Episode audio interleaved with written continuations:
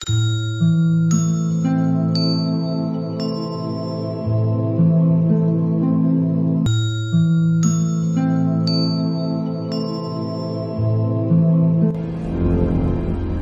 kok mafia? Kisah dari sahabat bercerita, Ifat. Dituliskan dan dibacakan oleh Dasa. Namun plot cerita telah digubah agar dapat menjadi sebuah karya cerita pendek tanpa mengubah inti cerita. Selamat mendengarkan.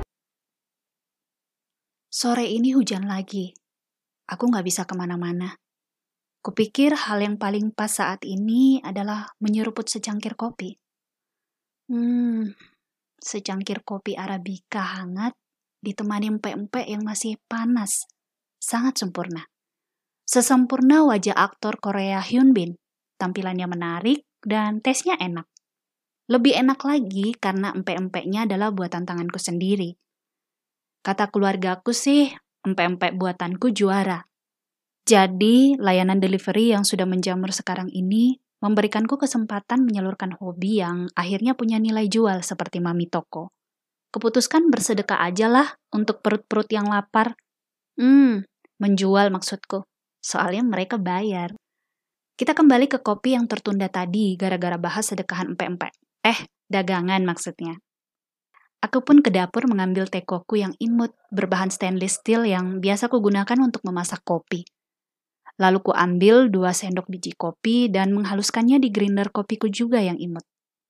Info aja, aku suka yang imut-imut dan unik. Lucu aja, sepertinya mewakili diriku yang juga lucu. Eits, jangan protes dong. Ramadan gini ikhlasin aja lah. Keikhlasan puji orang kan pahala. Soal grinder itu, aku suka menggiling kopiku sendiri secara manual, bukan memakai mesin. Aku sih percaya sentuhan tanganku pasti selalu yang terbaik. Aku pun menikmati setiap prosesnya. Menggilingnya, memasaknya di teko, lalu menyaringnya dengan kertas filter di gelasku. Kalian para penikmat kopi pasti setuju. Proses ini menyenangkan dan aku bisa menikmati aroma biji kopi sepuasnya. Ku ambil kopiku yang panas, ku hirup aromanya, lalu ku sesap perlahan. Ah, nikmatnya. Aku melihat ke terasku yang dihiasi bunga-bunga di tiap rak dinding. Di luar suasananya adem banget buat minum kopi. Aku pun melangkah melewati pintu kaca yang memisahkan pantry dan teras, sambil membawa nampan kayu yang berisi secangkir kopi hitam dan empek-empek buatanku. Aku pun duduk dan menyandarkan punggungku di bantal kursi rotan. Suasana ini selalu mampu membangkitkan memori masa lalu. Aku jadi teringat kisahku dengan seorang pria yang menurutku dia itu seorang bandar narkoba. Oh ya, dari tadi aku kan belum perkenalan ya. Namaku Ifat.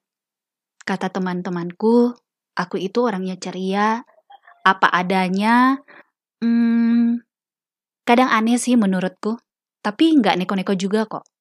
Dan bagiku, jauh dari orang tua itu penyiksaan. Aku dan si pria itu berkuliah di fakultas yang sama 8 tahun yang lalu. Sebut saja namanya Ebeng. Aku memanggilnya begitu. Saat kuliah, kami nggak pernah ngobrol, meski kami satu angkatan. Aku melihatnya aneh. Dulu dia berpakaian seperti pasha ungu. Kalian tahu kan, dulu gaya berpakaian anak laki-laki yang gantungin rantai gede di celana jeans mereka. Aneh bukan? Aku nggak pernah bisa paham kenapa menggantungkan rantai di celana itu bisa begitu keren menurut mereka. Mungkin hal ini juga sama dengan mereka yang juga gagal paham mengapa para wanita suka memanjangkan kukunya dan mengeluarkan biaya cukup mahal untuk menghiasnya agar jari-jari tidak terlihat sepi. Akhirnya, satu waktu, Ebeng bilang suka padaku. Kami pun jadian. Tapi banyak hal yang membuatku ragu. Bisa dibilang, aku ketakutan sendiri karena dia cukup royal. Ya, bagiku lumayan berduit lah. Bukannya jadi senang, tapi aku jadi bimbang dan bertanya-tanya. Pada waktu itu, gayanya di mataku terlihat seperti mafia. Tepatnya, pikiran liarku mengatakan seperti bandar narkoba. Aduh, Aku takut banget. Di antara sekian banyak wanita di kampus, kenapa harus aku sih yang ditaksir? Kalau aku putusin dia marah gimana? Aku takut kalau dia marah lalu nekat. Sebab yang aku dengar, orang-orang yang berada di bawah pengaruh obat, tepatnya pemakai, tidak rasional lagi dan cenderung nekat. Tapi kalau aku terus jalani, masa sih pacarku seorang mafia? Aku jadi makin takut. Setelah lama kupikirkan hingga kepala rasanya mau pecah. Akhirnya waktu itu kuputuskan bahwa langkah yang paling aman ya jalani dulu aja deh. Aku akan cari jalan biar kami bisa putus dalam waktu dua bulan. Ebeng, eh, kataku membuka pembicaraan dengan jantung yang rasanya mau copot karena ketakutan. Aku berhati-hati untuk berbicara karena dia sedang menyetir mobil. Iya, kenapa? Jawab Ebeng sambil melirikku sebentar. Hmm, setelah pikir-pikir, menurutku aku mau jalani hubungan ini. Tapi bila dalam waktu dua bulan ternyata kita sampai bertengkar, Sebaiknya jangan diteruskan. Kita putus saja. Jelasku panjang lebar. Kok gitu? Kenapa? Ia kaget dan melihat ke arahku. Karena aku mau serius. Aku tidak mau berlama-lama bila memang tidak cocok. Jawabku bersungguh-sungguh tanpa melihat ke arahnya. Oke, kita jalani dulu saja. Jawabnya yakin. Aku lega mendengarnya sekaligus tidak menyangka. Dia menjawabku dengan baik dan tidak marah sama sekali.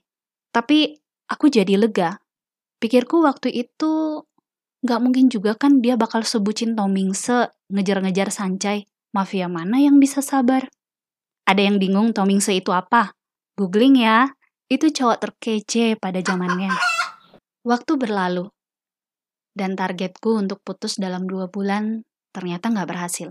Ebeng super sabar banget hadapin segala keanehanku. Dia tetap sangat royal padaku.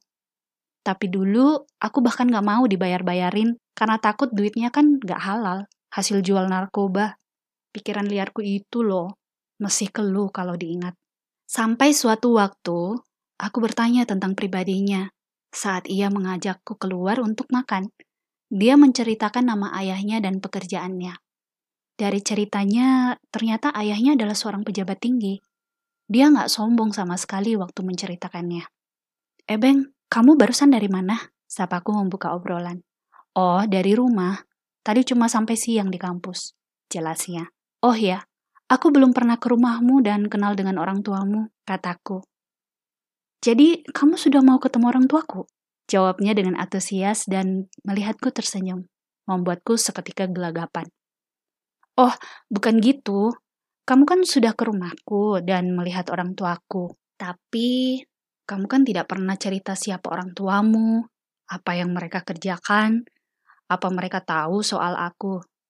Ya, begitulah. Kan biar adil. Jawabku panjang lebar karena takut ia tahu pikiran liarku. Sepertinya itu hal umum yang dilakukan orang-orang bila mereka tidak ingin ketahuan berbohong ya. Masa sih? Maaf, aku pikir udah pernah cerita. Hmm, papaku adalah kepala kejaksaan negeri. Kalau mama ya ibu rumah tangga, jawabnya. Oh gitu, jawabku singkat, lalu mulai menikmati makanan di depanku.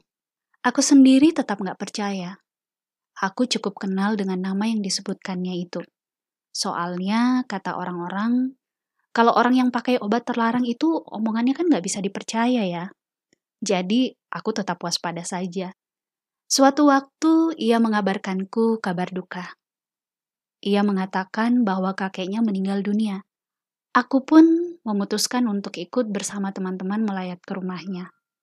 Setibanya di sana, aku kaget melihat rumahnya.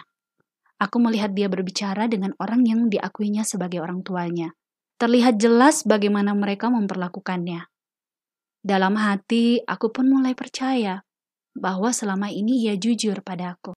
Hatiku lega karena ternyata dia laki-laki yang baik dan tumbuh dalam keluarga yang baik juga, sama sepertiku. Ebeng sama sekali tidak tersinggung dengan sikapku. Ia adalah orang yang benar-benar bisa menerima segala keanehanku.